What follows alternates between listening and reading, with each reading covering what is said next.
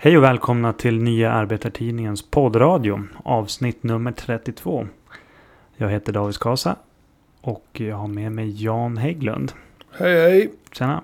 Sen har vi lite publik här också på andra änden av bordet. De applåderar. Oj då, oj då. Vi har inte ens börjat. Sådana artiga typer. Ja. Eh, jag vill börja med att säga att vi har skaffat oss en sponsor. Eh, det är The Holistic Hairdresser. Ja, Ja, de eh, klipper hår på holistiskt vis. ja, ja. Man måste ju ta emot alla pengar. Pengar luktar ju inte. jag Nej. Precis, precis. Efter att ha följt det amerikanska presidentvalet.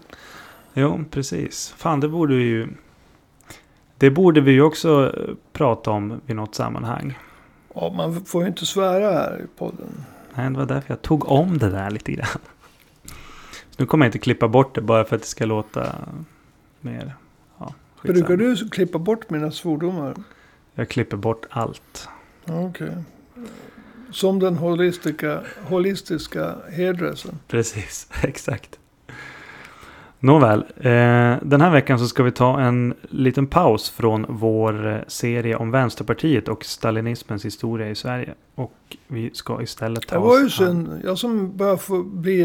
Kommer, Jo. jag blir varm i kläderna helt enkelt. Jo, nej men eh, vi har ju hört från en del lyssnare att de, det, var, det var ett maraton att ta sig igenom de där två avsnitten.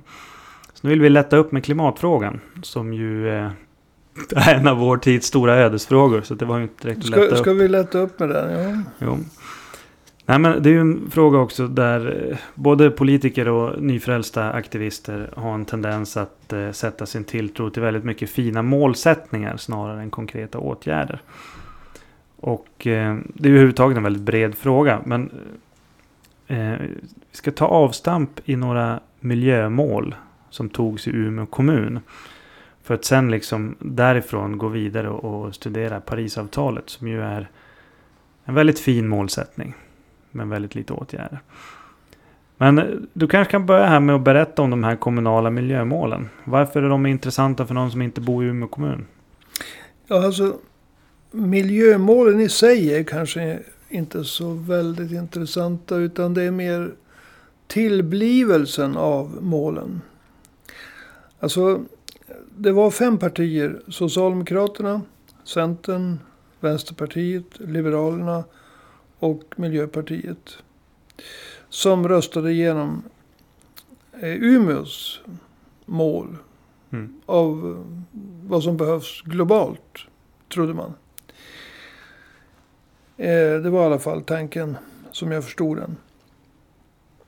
Och nu försöker man framställa beslutet som ett historiskt steg framåt för Umeå och för ja, jordklotet. Men vi håller inte med. Och skälet är att det saknas en åtgärdsplan för hur de här målen ska förverkligas. Det finns till exempel inga tidsmässiga kontrollstationer om hur eventuella minskningar eller hur eventuellt minskade ökningar eh, ska mätas. Mm. Och eh, det är ju roligt.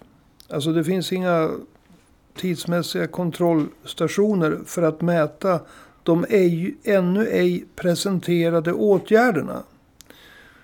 Så att Mm. det är ungefär som att ta noll gånger noll. Va? Ja, noll. man, man, ska inte, man kan inte mä- mäta. Det finns inga, när ska man mä- mäta och man vet inte vad man ska mäta. För det fanns Mm. inga åtgärder. Och det är det som är intressant med det här. Man försöker göra det till ett historiskt steg framåt. Vi har antagit miljömål, inga åtgärder och inget sätt att mäta om de är effektiva. Mm. Vilket ju i och för sig är praktiskt om man inte har några åtgärder att mäta. Nej, precis, precis. Men du, de här målsättningarna, de, de har ju inte heller sagt att...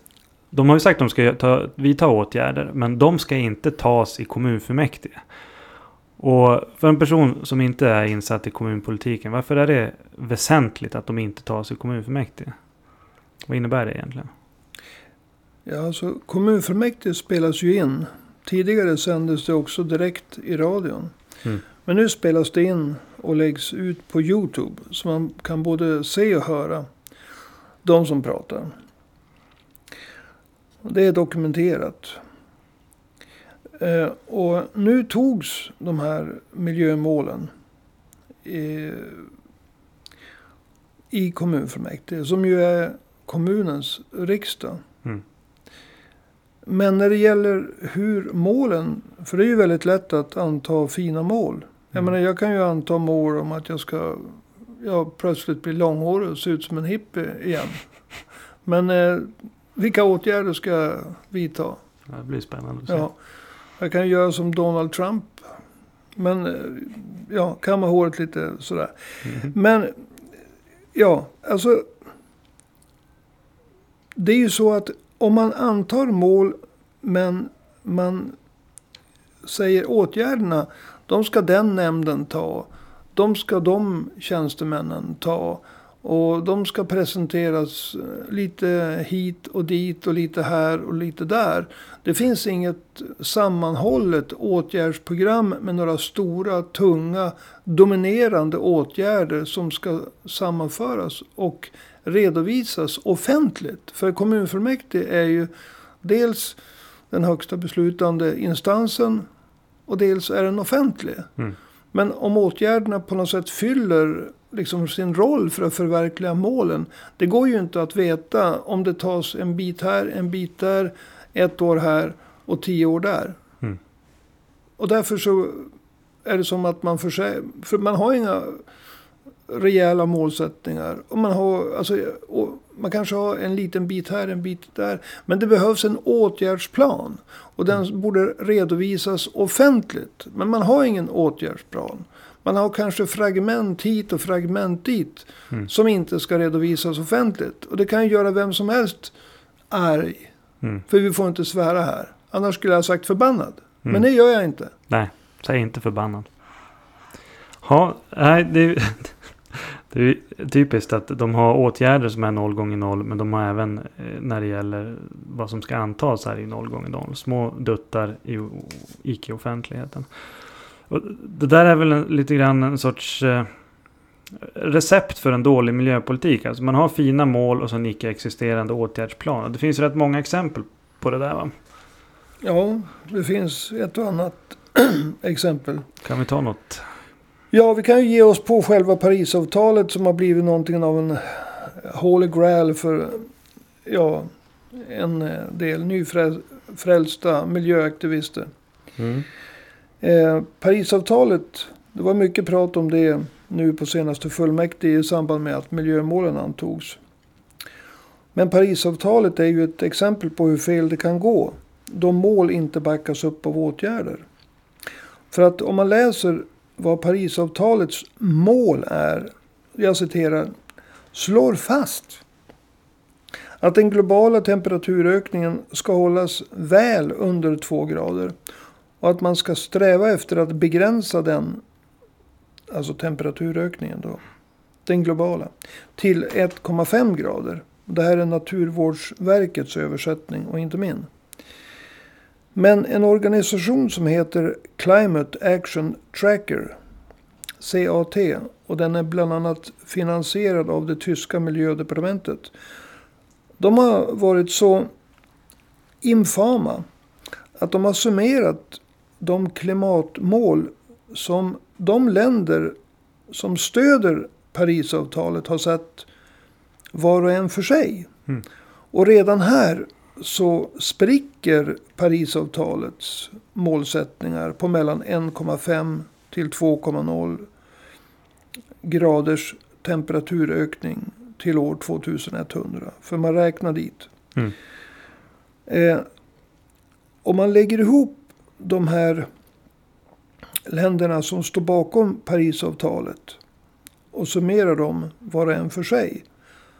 Så blir det en höjning av den globala temperaturen. Inte på 1,5 till 2 grader. Utan mellan eh, 2,3 till 3,5 grader.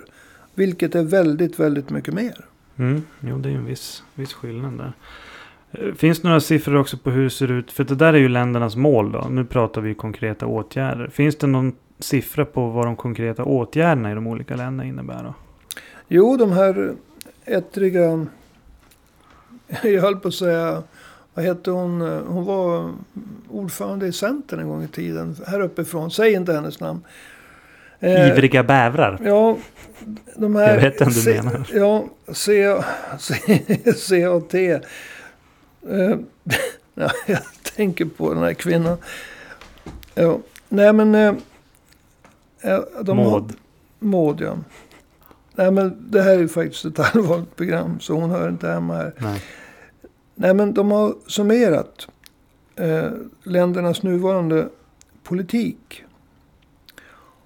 Och um, om man tittar på de länder som står bakom Parisavtalet och tittar på deras nuvarande faktiska politik så kommer höjningen av den globala temperaturen eh, som CAT har fått fram. Den pekar på alltså att temp temperaturen vid slutet av århundradet kommer att höjas i intervallet 2,3 och ända upp till 4,1 grader. Och det är kan man, alltså det innebär att ländernas faktiska politik pekar på en temperaturökning eh, vid skiftet till nästa århundrade som är dubbelt så hög som Parisavtalet som de har skrivit under. Mm. Och det är det som borde diskuteras. Ja. Vad är det som krävs då för att klara Parisavtalets mål? För att det ser ut som att det är ganska långt ifrån i, idag. Det handlar ju om åtgärder. Mm. Alltså det handlar ju om samma saker som gjorde att vi inte ville vara med i det här spelet i Umeå kommun. Vi började ju att engagera oss. Arbetarpartiet började att engagera sig när det gällde den, klimat, den globala temperaturökningen 2006, 2007. Mm. Och ett av de material som vi baserade oss på var en, en del av en IPCC-rapport. Och ett annat material var Dagens Nyheter som populariserade en del av IPCC-rapporten. IPCC då, det är ju FNs klimatpanel. Ja. Det är ju mycket, mycket omfattande material. Men, och de, de det är vetenskapligt. Mm. Eh, men redan då, alltså 2006, 2007, alltså för snart 14 år sedan, stod det klart att en temperaturökning, om man skulle få den att stanna på max två grader i slutet av det här århundradet så måste man klara vissa kontrollstationer. Och det var väldigt bråttom. Mm. Och jag kan säga så här. Att för det första så måste utsläppen av växthusgaser, exempelvis koldioxid och den mycket mer så att säga farliga metan nå sin absoluta peak eh, år 2015 för att därefter börja minska. Det var den första förutsättningen. Mm. Den andra förutsättningen det var att efter att man har nått piken 2015 så måste utsläppen fortsätta att minska med mellan 50 till 85 procent jämfört med år 2000. Och för det tredje så måste denna minskning på mellan 50 till 85 procent vara genomförd senast år 2050. Mm. Och det är de kontrollstationerna som man måste jobba efter för att klara en temperaturökning som ligger i intervallet plus 2 till plus 2,4 mm. grader vid slutet av det här århundradet. Just det. Alltså piken 2015. Sen måste en minskning ske på hela 50 till 85 procent jämfört med hur mycket man släppte ut. Det heter koldioxidekvivalenter. Och det här måste vara genomfört år 2050. Mm. Och om de här förutsättningarna uppnåddes. Då skulle det innebära att koncentrationen av växthusgaser i atmosfären skulle stanna på en nivå mellan 445 till 490 miljondelar eh, koldioxidekvivalenter. Och det där är ett lite abstrakt mått. Men om man säger att atmosfären består till 21 procent av syre. Ja, miljondelar är ju små. Mm. Men det är ändå det mått som vetenskapsmännen använder. Det, det, det är det man ville uppnå fram till år 2100. Att eh, koncentrationen av växthusgaser skulle stanna på en nivå mellan 445 och 490 miljondelar av koldioxidekvivalenter vid århundradets skifte. Mm.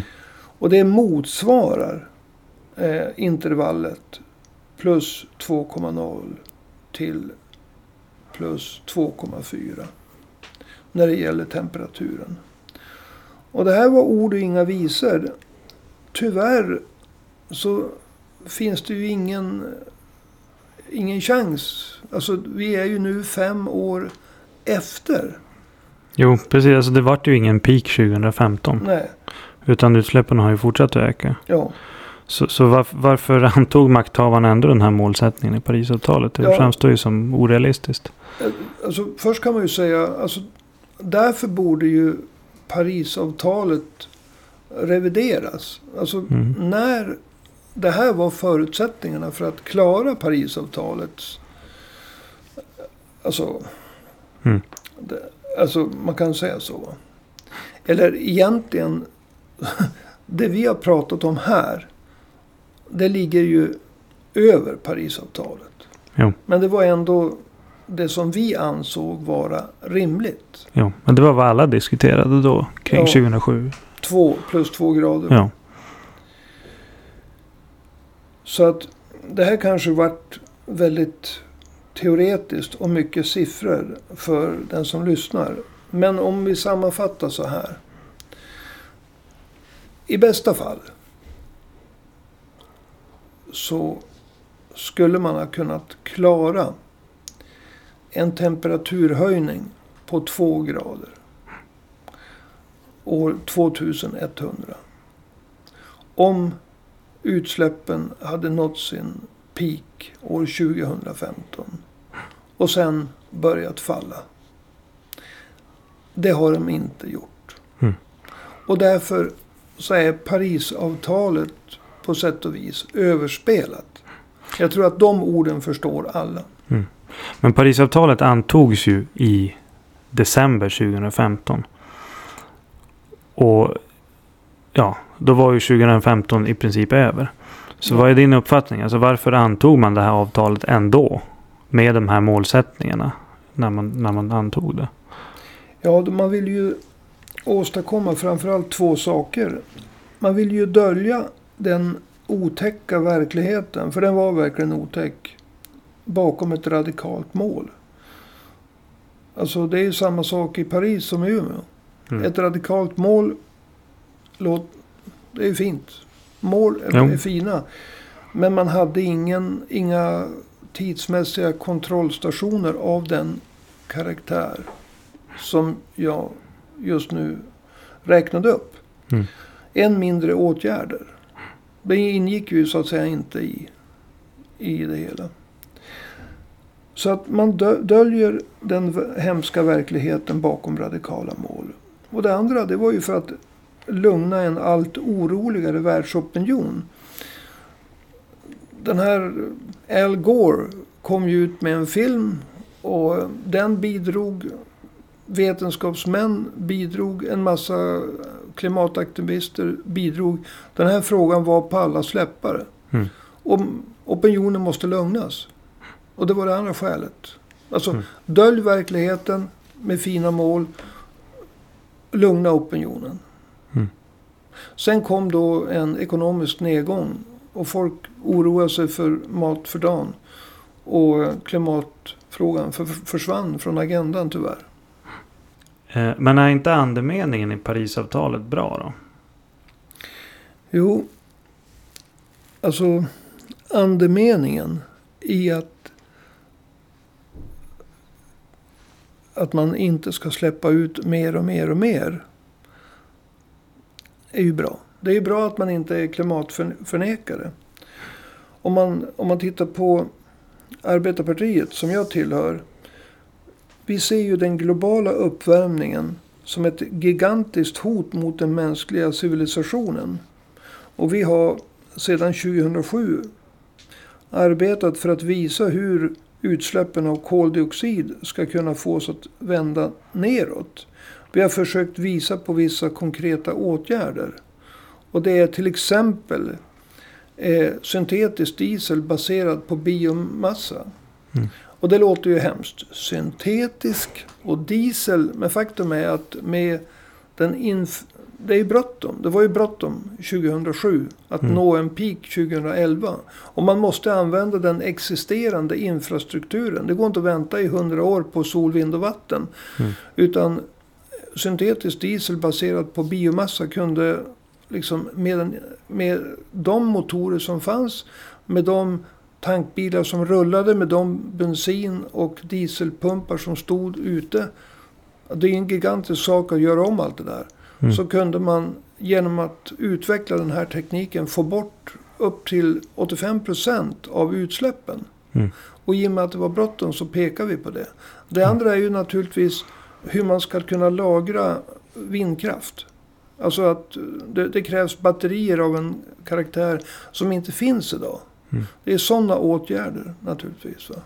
Sen är det också i gigantiska storstäder så måste det byggas ut tra- eh, kollektivtrafik. Om man tar storstäder som har 50 miljoner människor. Om alla ska ha en bil. Det måste ju naturligtvis till någon sorts investeringsstöd. För att de ska kunna bygga ut kollektivtrafik. Mm. För att det ska vara mänskligt. Jo, precis. Ja, men du, då måste vi ta och börja avrunda här i eh, normal poddtid. Vi har ju haft två stycken långkörare här senast. Men du ska få ha lite, lite sista ord här. Jag skulle vilja säga så här va. Att, eh, alltså vi i Arbetarpartiet. Vi vill ju väldigt gärna samarbeta med andra. Som inte naivt och okritiskt eh, köper mål. Utan som kräver inte bara mål utan också åtgärder för att förverkliga målen. Mm. Under lång tid så kände vi oss väldigt ensamma i Umeå när vi gick och samlade in namn Mm. för de här sakerna. Säga att piken måste komma 2015. Sen måste det gå neråt. Fram till år 2050 så måste utsläppen ha minskat med mellan 50 till 85 procent. Ville skriva på här. Och det var ju många som inte alls trodde på att det var så illa. Idag är det många som, som förstår att det är illa. Men de har ju ingenstans att göra. De vet inte hur de ska agera. Så därför så har det kommit nya uttryck som klimatångest. Mm. Ja, och det är för att man antar mål, man talar om hur hemskt det är. Men man kan inte sätta någonting i händerna på folk. Man har inga åtgärdsprogram. Så när man berättar att det är hemskt och sen så har man inga mål. Så klar, eh, då, då skapar man klimatångest. Mm. Och det är ju för att vara lite cynisk. Va? Alltså tror man att man kan skrämma fram att folk en och en ska sluta äta mat eller Kör bil. köra bil? Naturligtvis inte. Utan det här är ju en, en kollektiva lösningar och det måste till, inte i konsumtionsledet i första hand. med en massa moralism. Utan det måste till lösningar i produktionsledet. Mm. Det är där man kan liksom visa åtgärderna. Det är där man kan utarbeta åtgärdsprogram. Det är där man kan samarbeta länder emellan. Till exempel om en eh, bilfirma. Eller bilproducent som Volvo. Som har sina, eh, tillverkar sina bilar i en rad olika länder. Man tillverkar motorn här, karossen där och så vidare. Mm. Alltså det är i produktionsledet som man kan göra någonting. Nu, nu skapar man klimatångest och en massa konstigheter. Mm.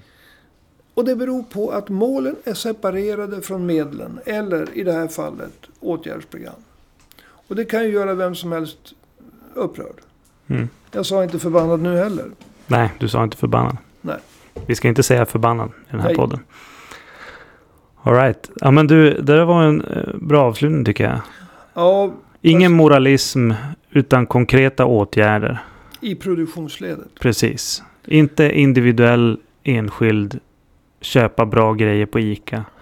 Utan produktionsledet. Ja, alltså man kan ju köpa Kollektiva lösningar. hellre bra grejer än dåliga grejer. Absolut, men absolut. det är inte där vi löser så att säga, de, de globala målen. Men jag vill också säga så här att det finns någonting väldigt irriterande med den här debatten i Umeå kommunfullmäktige. Det är nymornade, nyvaknade politiker som aldrig har brytt sig om klimatet någonsin. Som slår sig för bröstet över att de har tagit fina mål. Mm. Och så har vi då klimataktivisterna. Som har varit borta i tio år men som har vaknat igen. Mm. Ja, Och de det- har ju inga åtgärder heller. Nej, och det är ju bra. Det är bara hot, hot, hot, hot. Ja, alltså hot, in, inte mot, mot någon. Alltså mot världen va. Jo. Men eh, det är som att de tillsammans vill bli lurade. Det är som att de, för, ursäkta uttrycket, de tillber Parisavtalet. Både de och politikerna. Jo. Och det här är alltså politiker nu i Umeå kommun. Eh, som 2005 eh, blev ålagda av regeringen att klara av miljökvalitetsnormen när det gäller utsläppen av kvävedioxid. Och kvävedioxid, vad gör det då? Ja, koldioxid, det tar död på jordklotet genom klimatuppvärmning. Kvävedioxid tar död på Umeåborna. För höga koncentrationer av kvävedioxid skapar eh, lungcancer, astma, allergi, hjärt och kärlsjukdomar, demenssjukdomar som Alzheimers. Mm. Och det har varit för höga utsläpp av kvävedioxid så länge man har mätt i Umeå. Mm. Och det är sedan 2003. Och de här miljökvalitetsnormerna de är juridiskt bindande. Men Umeå kommun har aldrig någonsin klarat dem. Eh, och de här politikerna som är ansvarig för att öka risken hos Umeåborna för att få lungcancer, hjärt och kärlsjukdomar, astma och allergier och demenssjukdomar som Alzheimers, jag säger det igen. Plötsligt så kommer de dragande med en massa fina liksom miljömål, däribland klimatmål. Alltså, vem kan tro på dem när de inte... För det första har de aldrig varit intresserade. Nej. Och sen har de inga åtgärder, de har inga tidsmässiga kontrollstationer på de åtgärder som de inte har. Alltså, det är klart man blir förbannad. Nu sa jag det. Och så kommer de här klimataktivisterna och är nöjda med de här politikerna som, för, som inte ens är intresserade av det här. Jo. Alltså, ja, de var nöjda över att ha fått in en liten skrivning i, i ett annars totalt hopplöst dokument. Ja. Så vi samarbetar gärna för att uppnå konkreta mål, för att uppnå en åtgärdsplan. Vi samarbetar. Vi tycker inte att den här frågan, vi, vi tycker den är oerhört viktig. Men det är just därför vi vill, vi vill inte spela med i det här apspelet. Mm. Där politiker i Umeå kommun som aldrig har varit intresserade ens när de hotar Umeåborna med lungcan- ökad risk för lungcancer slår sig för bröstet för att de har antagit några högtflygande målsättningar utan att ha en aning om hur de ska förverkligas. Ja. Och inte heller är vi im- imponerade av de klimataktivister som går på den, i den fällan. Utan det ska vara någonting konkret. Ja. Men du, eh, får tacka för idag då. Ja, Right. Men eh, innan vi avslutar helt så vill jag ju som vanligt eh, säga att om man tycker att det här är en bra podd som är intressant att lyssna på så borde man ju stötta oss ekonomiskt också. Exempelvis genom att skicka in ett bidrag via Swish. Och då är vårt Swish-nummer 123 504 7105. Alltså 123 504 7105. Och som vi brukar säga, det finns inget bidrag som är för stort. Utan eh, swisha på bara. Och eh, med de orden så är avsnitt nummer 32 slut. David Skasa heter jag. Du har lyssnat på Nya Arbetartidningens poddradio och vi hörs igen eh, till helgen här. Hej då!